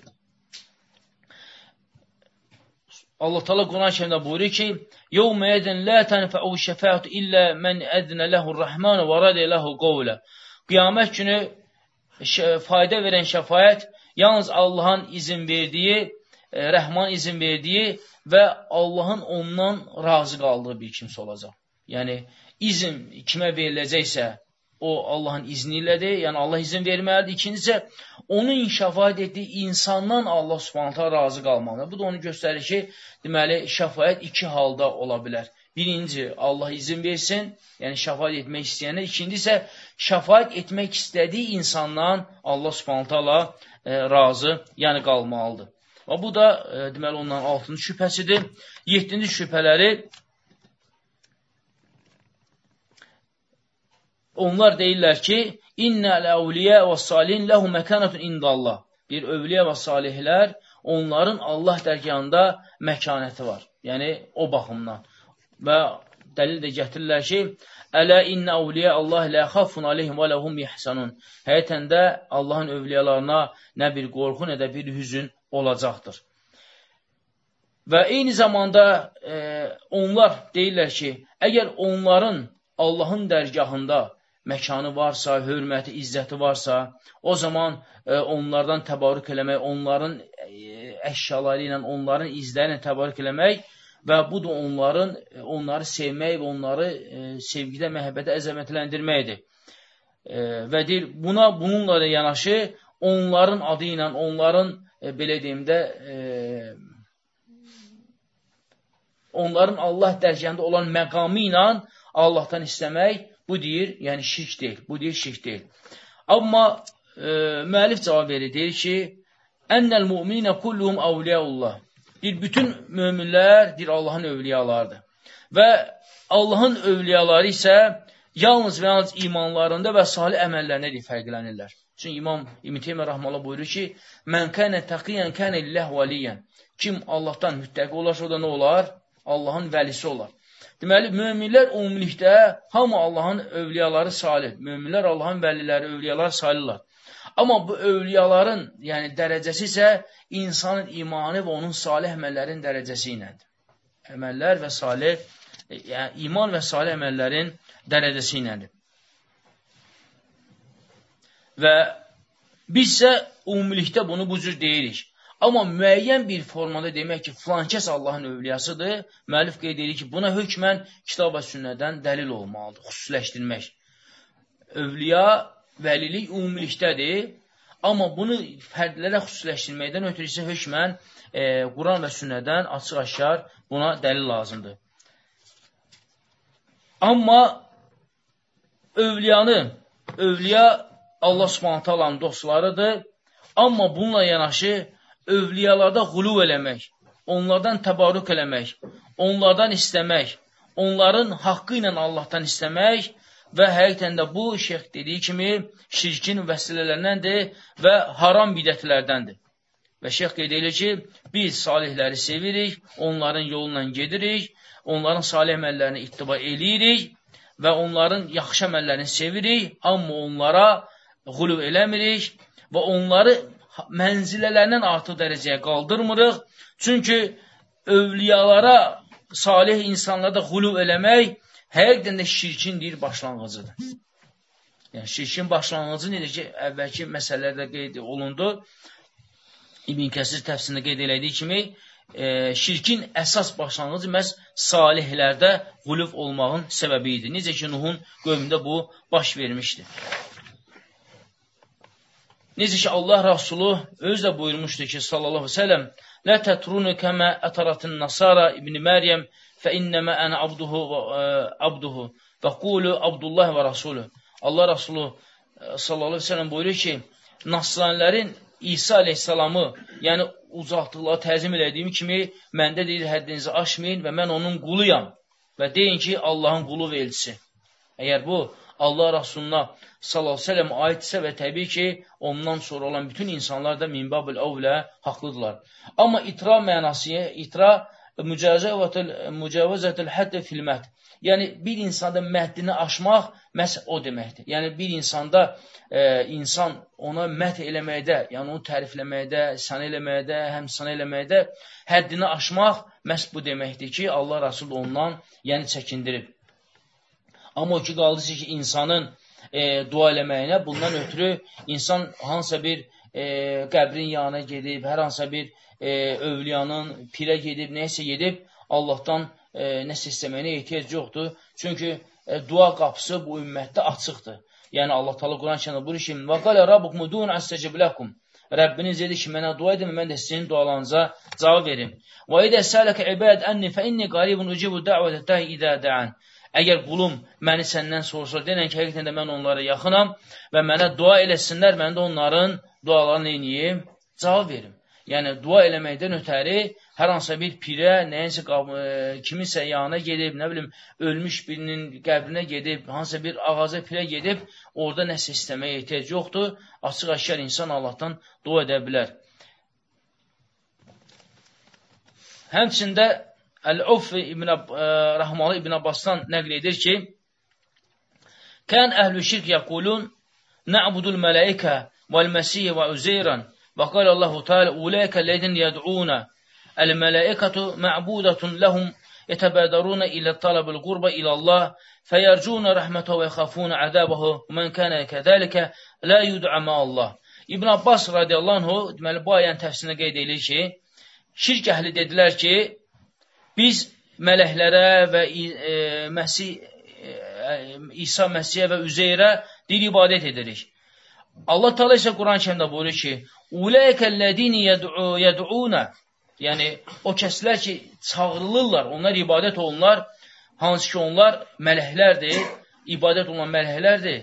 Onlar Allah subhanətə Allahın özlərini Allah subhanətə Allah yaxınlaşdırmağa, yəni yaxın eləmək üçün e, ona can atırlar. Yəni, mələklər ibadətlərində Allaha yaxınlaşmağa çalışırlar. İbn Abbas radiyallahu anh deyir ki, e, əgər ibadət olunan mələklərin halı budursa ki, onlar, insanlar bunları ibadət edirlər.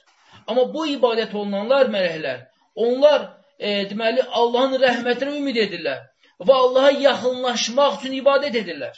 Əgər bu ibadət olunanların halı budursa, onda necə Allahdan başqa nədir ibadət edirlər? Yəni, məntiqi başa düşsə qardaşlar. Elə bir ki, ə, əgər bir kimsələr mələklərə ibadət edirlər, amma mələklər həqiqətdə özləri nəyə möhtacdırlar? Allah spontala möhtacdırlar. Yəni, sən mələyə ibadət etdiyin halda, mələk özü, burada misal mələkdən deyil təzə, salihlərdən də gedir. Əgər sən mələyə ibadət edirsənsə, mələk isə, mələk isə, özü Allah spontala ibadət edərək, Allahın rəhmətinə ümid edir və Allahın ibadətinə can atır.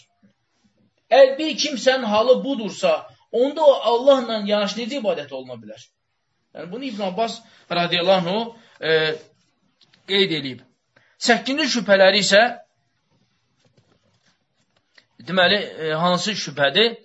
Onların bu ayəti şübhə kimi gətirirlər ki, Yə yəllədin əmənu təqullaha vəbtəqu iləyhil vasilə. Başqa ayədə, Uləykəllədin yəd'unə yəbtəqunə ilə Rabbimil vasil əyyuhum əqrab. Deməli, onların bu səkkinci şübhələri, qardaşlar, vəsilədir. Yəni, vasitə tutmaq, vasitə tutmaq. Allah Teala Quran şəhəndə buyurur ki, Yə yöllədin əmənuttaqullaha vabtağuleyhi vasilə. Ey iman gətirənlər, Allahdan qorxun və ona vəsilə axtarın. Ona vəsilə axtarın və başqa ayədə də Uləykəllədin yəd'unə yabtağunə ilə Rabbin vasil əyyuhum əqrab.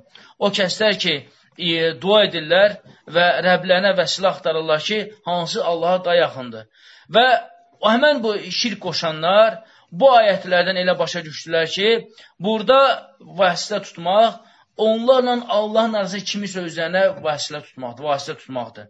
Amma cavab bu deyil. Cavab isə ayətdə açıq-aşkar bildirilir ki, burada vasitə, vəsi, vəsilə burada əməldir. İnsan əməl edərək, e, açıq-aşkar e, Allah subhanətə alə salih əməllərlə yaxınlaşmaqla söhbət gedir. Və O, amma təvəssülə gəlincə isə, müəllif qeyd edir ki, e, dində iki cür təvəssül var. İcazəli və icazəsiz. Amma icazəli təvəssül e, insanın Allah Subhanahu ad və sifətlərinin Allah Subhanahu təvəssül eləməsidir. Allah Taala buyurur ki: "Valillahi'l əsmaul husna fad'uhu biha." Allahın gözəl ad və sifətləri var, onunla Allaha dua elə. Bu birinci. İkinci isə e, insan Allaha özünün fəqirliyini və ehtiyat içində olduğunu Allah Subhanahu qarşısında aciz olaraq göstərməsini eləsi, elədiyi vəsilədir. Necə Eyyub əleyhissalamın elədiyi kimi, "Ənni məssəniyə durru əntə arhamur rahimin." O zaman Eyyub əleyhissalamın yoldaşı öldü, uşaqları öldü, onun bədəninə bütün xəstəlik gəldi və o Allaha dedi ki, "Ənni məssəniyə dur." O boyda problem olan insan dedi mənə zərər sürtünüb, yəni toxunub, yüngülcə toxunub. Yəni e, müəllifin gətirdiyi bu da odur ki, yəni insan fəqirdir, acizdir, ehtiyat içindədir. O bu acizliklə, fəqirliklə Allah Subhanahu taala vəsilə eləyə bilər. Üçüncü e, müəllif qeyd edir ki, insan Allah özünün salih əməlləri ilə Allah Subhanahu taala əl-vəsilə eləyə, vəsilə eləyə bilər. Necə Allah Teala Quran kərimdə buyurur ki: "Rabbana innana sami'na munadin yunadi lil-iman an aminu bi rabbikum fa amanna. Rabbana faghfir lana zunubana fakaffir anna sayyi'atina." O kəslər deyirlər ki: "Ey Rəbbimiz, biz eşitdik sənin nidavı, imana çağıran nidavı və biz sənə iman etdik və sən bizim Rəbbimizsən, sənə iman etdik. Ey bizim Rəbbimiz bizə məğfirət ver, bizim günahımızı bağışla və bizim e, xatalarımızı bizim üçün məğfirət elə." Və bu da açıq-aşkar insanın salih əməli ilə Allaha e, vəsilə tutmasıdır. Və həmçində başqa hədis də var bu barədə. E, üç nəfər o mağaraya düşən insanlardır ki, hansı ki, məşhur hədis əhl-i sünnədə o mağaranın ağzına böyük bir qaya e, düşür və onlar bir deyirlər ki, bizi buradan yalnız Allah subhanət hala öz salih əməlimizlə, yəni Allah üçün edimiz ixlaslı bir salih əməlimizlə biz e, e, vəsilə eləyə bilərik və sonra isə hərə özünün e, gizlin əməlini danışır və Allah subhanət hala hər dəfə danışırca insanlar e, mağaradan daşaralanır və sonra da ondan çıxa bilirlər. Və bu da əhlüsünlə etiqadıdır ki, əhlüsünnəyə görə insan öz salih əməlləri ilə e, vəsilət edə bilər. Yəni, insan Rəbbinə hansısa bir gizlin əməli varsa, heç kim bilmədiyi bir əməli varsa, insan o salih əməli ilə təvəssül eləyə bilər. Təvəssül eləyə bilər. Bu da əhl-i sünnənin e, təvəssülə icazə verdiyi növlərdən biridir. Dördüncü təvəssül isə e, deməli salih insanın, yəni duası qəbul olan insanın e, duasını istəməkdir. O ilə təvəssül eləməkdir. Yəni sən bilirsən ki, filan kənddə, filan eldə, obada bir ibadəti e, gözəl insan var, salih insan var, e, salihdir, abiddir, zahiddir. Bilirsən ki, bu duası qəbul olan insandır və sən ona e, yaxınlaşıb ondan mənim üçün Allaha dua elə istəyə bilərsən. Bu icazəlidir. Buna dəlil odur ki, necə e, Allah Rasulü sallallahu əleyhi və səlləm e, bəzi sahabələr ki, səfərə çıxan zaman, bəzi rivayətdə gəlir ki, həccə gedən zaman ona deyərlər ki, "Lə tənsənə əxi min duaika." e, deyir, ey qardaşım, məni dualarında unutma. Düzdür, bu hədisdə e, deməli, e, Abu Davudda gəlir və hədisi bəzi mühəddislər zəif sayıblar. Həmçinin buna uyğun olaraq da Ömər radiyalarının qıssasıdır ki, Ömər radiyalarının xəlifəlik dövründə sahabilədən həccə gedənlər olanda ona deyərdi ki, bizi özündə unutma. Və burada isə alimlər deyir ki, e, burada e, şərt isə, bu cür məsələlər şərt odur ki, yəni insan bunu umumilikdə deyə bilər. Yəni umumilikdə deyə bilər ki, filan kəs, məsələn, həccə gelsin, ümrəyə gelsən, dualarında bizi də unutma. Amma məni də unutma, mənim filan problemim var və, və s. Bu barədə bəzi alimlər deyir ki, insan biraz ehtiyatlı olsun. Yəni, bu cür təfsilatlı deyil. Umumilikdə deyə bilər ki, qardaşım, bizi də duanda unutma. Yəni, bu yəni icazəlidir. Amma e, icazə olmayan təvəssül isə e, o ölülərin haqqı ilə və ölülərin Allah dərəcəndə olan məkanı ilə e, Allahdan istəməkdir ki, misal üçün insan deyir ki, ey Allah sənə filan kəsin haqqı ilə istəyirəm, filan kəsin zatı ilə istəyirəm, filan kəsin məkanı ilə istəyirəm, e, ölüdür, qəbirdədir və ya hansısa pirin və ya da kiminsə haqqı ilə və bu da şeyh qeyd ki, bu haram, e, haramdır və bidətdir və şirkə aparan nədir? Vəsilələrdir, yollardır. Şirkə aparan yollardır və insan da bunlardan çəkinməlidir. Bu da əhl-i sünnədə qadağan olan təvəssül növüdür. Doqquncu olan şübhələr isə odur ki, onlar bəzi hədisləri, e, hədislərin özlərini bağlayırlar ki, necə ki, İmam Tirmizi rəvat edir ki, bir e, Osman ibn Hənif radiyallahu anh rəvat edir ki, bir gözü görməyən bir kişi gəlir Allah Rasulunun yanına və deyir, ey Allahın Rasulü, mənə dua elə, Allah tala mənim gözümü açsın. Və Allah Rasulü deyir ki, əgər istəsən, dua edərəm. Yox, əgər istəməsən də səbirli olsan, və bu sənin üçün daha xeyirli olar. E, onda dedi ki, e, əgər istəmirsənsə, sənin üçün dua edeyim. Sonra isə dedi ki, e, Allah Rasulunun əmr elədi ki, get dəstəmaz al, gözəl dəstəmaz al və sonra isə bu duaları elə Allahumma innə səluka və təvəcə iləykə bi nəbiyyə Muhammed nəbiyyur rəhmə inni təvəccəhdu bihi ilə Rabbi e, fi həcəti hədi lituqda Allahumma şəfiyyü fiyyə. Allah Rasulü həmən insana deyir ki, get gözəl bir dəstəmaz al, gözəl şəkildə dəstəmaz al və sonra denən ki, ey Allahım, mən sənə e, Muhammed sallallahu əleyhi və səlləm, yəni ümmət aləmlərə rəhmət olaraq göndərən Muhammed sallallahu əleyhi və səlləmin e, belə deyim də sənə olan məkanı ilə səndən istəyirəm və Rəbbimin bu e, Rəbbimə bu ehtiyacımın ödənməsindən ötəri Rəbbimə yönəlmişəm və deyir: "Ey Allahımma, məni onda şəfaətçi elə." Yəni e, onlar bu hədisi rivayəti gətirirlər və hədis İmam Tirmizə rivayet olunub. Müəllif qeyd edir ki, e, Şeyx Fozan Həfzallah qeyd edir ki, Lap əgər bu hədis, əvvəla bu hədisin ətrafında danışıblar, e, zəif görənlər də var, yəni həsənli qeyri görənlər də var. Şeyh qeyd edir ki, əgər lap bu hədisin səhliyini qəbul eləsəydə belə, bu məsələnin deyir, onların ölüdən istəməyinə heç bir aidəti yoxdur. Ona görə ki, bu Allah Rəsulunun yanında baş verib. Və şeyh də qeyd edir ki, və e, duası qəbul olan diri insandan istəmək olar, yoxsa olmaz? Olar. Yəni bunun deyir əslən lap səhih olsa da belə bunun ölündən ölüdən istəməklə heç bir yaxının uzağından əlaqəsi yoxdur. Heç bir yaxın əlaqəsi yoxdur. Çünki Muhammed səlləm e, sağ idi və onun yanındaydı. Və o da onu dua eləməyin yolunu da öyrətdi. Amma bu e, ölüdən, qəbirdən, olmaz pirdən, övliyadan istəməyin, ölü insan istəməyin heç bir yaxın uzağında da əlaqəsi yoxdur. Və həmçində onların bir uydurma yalan hədisdən də istifadə edirlər ki, necə Allah Rasulun dilindən söyləyirlər ki, Allah Rasul buyurub ki, Tavassalı bicəhi fə innə cəhi indalal adım. Yəni, mənim Allahın yanında olan məkanımla, məqamımla Allaha təvəssül eləyin, həqiqətən də mənim məkanım Allahın dərgahında əzəmətdir. Və bu hədisdə şeyx deyir ki, bu ümumiyyətlə uydurma, yalancı hədisdir ki, İbn Teymiyyə Rəhmallah deyir, bu uydurma və yalancı hədisdir. 10-cu olan şübhələr budur ki, Onlar öz şirklərində yuxulara, nağıllara ehtimad göstərirlər.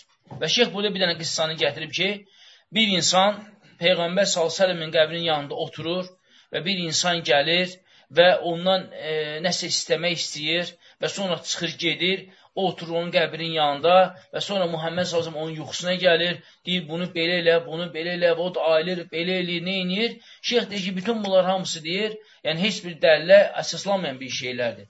Yəni, əksər hallarda bilmirəm, fikir vermişsiniz, verməmişsiniz, günümüzdə də bəzi Allaha şərik qoşan e, insanlarla danışanda görürsən ki, yox, sənin xəbərin yoxdur, filan kəs getdi, oturdu onun qəbrində, axşam o qəbirdən yiyəsi çıxdı, bunun başından sal çəkdi, nə bilim, cibinə konfet qoydu, nə bilim, neynədi, neynəmədi. Hamısı nağıllar, xurafatlar, yəni mövhumatlar. Qutardı, getdi. Yəni, şeyx deyir ki, bunların e, dəlillərinə biri budur. Yuxular, nağıllar, hansı ki, o baxırsan ki, e, hər bir məsələdə onlar ayrı-ayrı, yəni qıssalar danışırlar. Və dəlil də nəyi gətirirlər? Dəlil də ondan əsas gətirirlər budur ki, e, deməli, onlar deyirlər ki, Allah Teala Quran-ı Kərimdə buyurur ki: "Vəlau ennahum izzalamu anfusahum ca'uka fastaghfirullaha li vastaghfara lahumur-rasul lawajadullah tawwabur rahime." Deyir, əgər onlar öz nəfsədən zülm edə, elədikləri zaman, yəni bir böyük günah elədikləri zaman, əgər sənin yanına gəlsələr, hara? Peyğəmbər səhəm qəbrinin yanına gəlsələr və onlar sənin yanında e, Allahdan, yəni sənə deyərlər ki, Allahdan bizim bağışlama dilə, e, və onlardan Allahdan bağışlama deyərlər və Allah Rasulü onlar üçün bağışlama diləyərsə və deyir, onlar Allaha, e, onların tövbələri bağışlanar və onlar rəhm olanlardan olarlar. Və burada müəllif rəhmələ deyir ki, burada cəuka sözü, yəni e, Allah Rasulun sağlığında gəlməyi deməkdir. Öldən ölməkdən sonra gəlmə aidiyyəti yoxdur. Çünki ayədə deyir ki, "Ola ennam izzalamu enfusam ca'uka." Əgər onlar sənin yana gəlsə, bu qəbrə aidiyyəti yoxdur bunun. Bunun nə aidiyyəti var? Allah Rasulun sağlığında. Yəni, əgər bir insan sağlığında bir günah eləsəydi, bir xata eləsəydi, əgər sənin yanına gəlib və səndən bağışlama diləsəydi və sən də onun üçün Allahdan dua eləsəydin, Allah təala nə edərdi? Duanı qəbul edərdi. Amma onlar bu ayəti Allah Rasulun ölümündən sonra onun qəbrinin yanında oturmağa bağlayırlar. Və hətta biz Mədnədə oxuyanda da bir dənə böyük bir qıssa e, nağıl kimi yayılmış ki, e, filan kəs buranın xadiməsi gətirdi, oturdu Peyğəmbərin qəbrinin yanında, yuxusunda filan şey gördü, bunu filan şeylər, bunu filan şeylər, hamısı xurafat və mövhumatlar. Yəni, sadəcə e, özlərinə lazım olan ayət və hədisləri istila edib və öz şirklərində bunları əsaslandırmağa çalışırlar ki, və bu da təbii ki, e, şirki nəsil olmadığı üçün onun dəlilləri də e, çox zəif və e, dayağı olmayan yəni dəlillərdir. 11-ci şübhələri isə şeyx qeyd edəcək, e, onların 11-ci şübhələri odur ki, onların bəzi istədiklərinin pirlərin, qəbirlərin yanında baş verməsidir. Misal üçün deyir ki, e, məsəl üçün onun hansısa bir xəstəliyi var, nəyi var, nəyi var, ona deyirlər, get filan qəbrin yanında, filan övliyanın yanına, filan türbənin yanına get, filan pirin yanına get, orada 10 dəfə bu tərəf fırlan, 10 dəfə bu tərəf fırlan, sonra evə gəl, iki dənə qara qoyun kəs, sən sağalacaqsan. Və deyir, bəzi halda belə elədikləri zaman onlar şəfa tapırlar. Və onlar o, o şəfanı həmən o pirə şərik qoşmaqla bağlı. Yəni, mən bunu elədim deyə. Amma şeyx isə deyir ki, yəni, burada heç açıq-aşar qədərin olmasıdır. Yəni, qədərlə də bu. Yəni, burada onun pirə gedib getməsi heç bir bağlı yoxdur. Və bu cür ə, əhvalatların da olması da onların şübhələrini neyniyir? Daha da artırır. Misal üçün, sən e, dostuva, qohumva, əqrava, şirki, tovhidi başa salanda deyirsən, filan pirinizə qəbul eləmirsən ki, filan kəsin uşağı olmurdu. Getdi filan qəbri, tavaf elədi, qurban kəs gəldi, onun uşağı oldu. Aydındır. Da qədərlə o şirk qoşmağın yerləri neynirlər? Yəni, qarışdırırlar. Yəni, o qədərlə, e, qədərin baş verməsi o şirkin heç bir əlaqəsi, yaxından uzağından, yəni əlaqəsi yoxdur.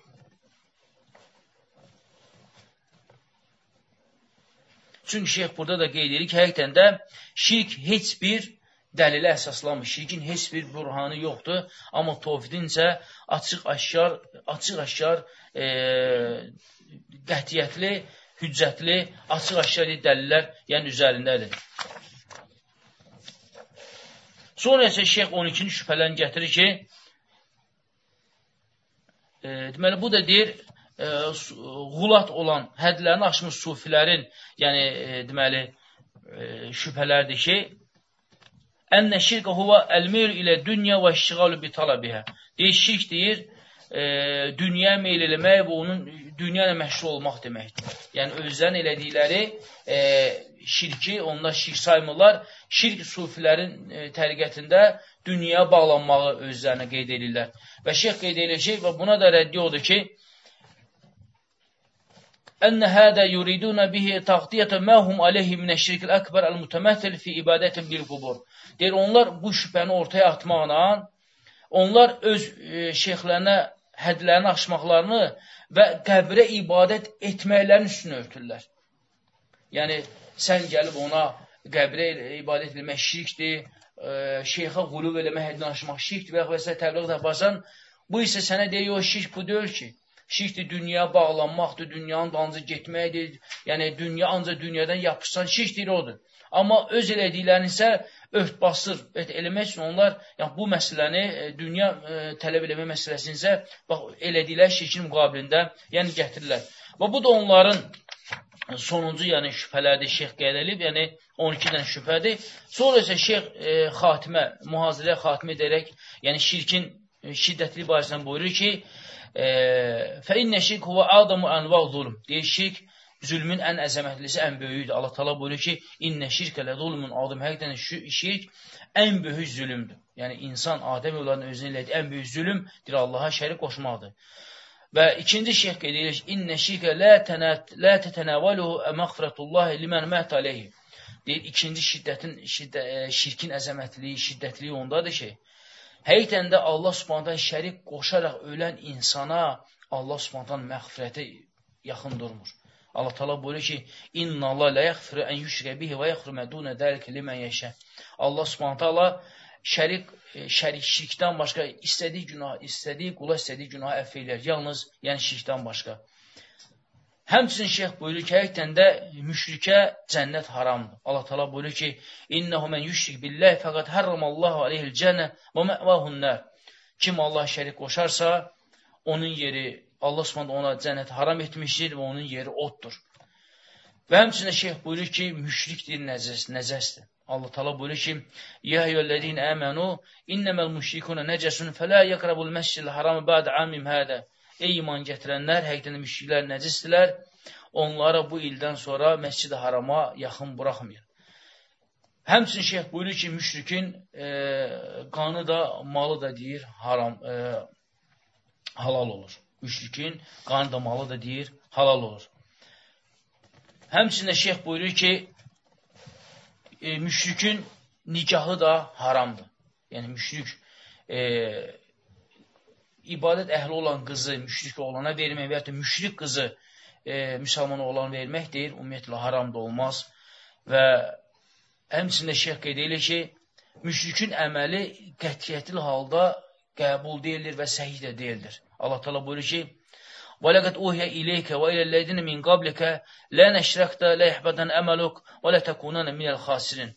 Allah Teala buyurur ki, sənə də və səndən əvvəlkilərə də vəhy olundu ki, əgər sən Allah Subhanahu taala şərik qoşsan, sən əməllərin batil olar və sən xüsusana ə, uğrayanlardan olarsan. Həmçinin Allah Teala buyurur ki: "Və law əşrəku lahabata anhum ma kanu ya'malun." Əgər onlar Allah şərik qoşsalar, onların elədikləri məl, yəni batıl olur. Sonra isə şeyx e, sonunda deyir ki, Naudu billah minəşşəkki və şirki və kufri və nifaq və sul əxləq və sul munqaləb fil məli və əhli və vələd.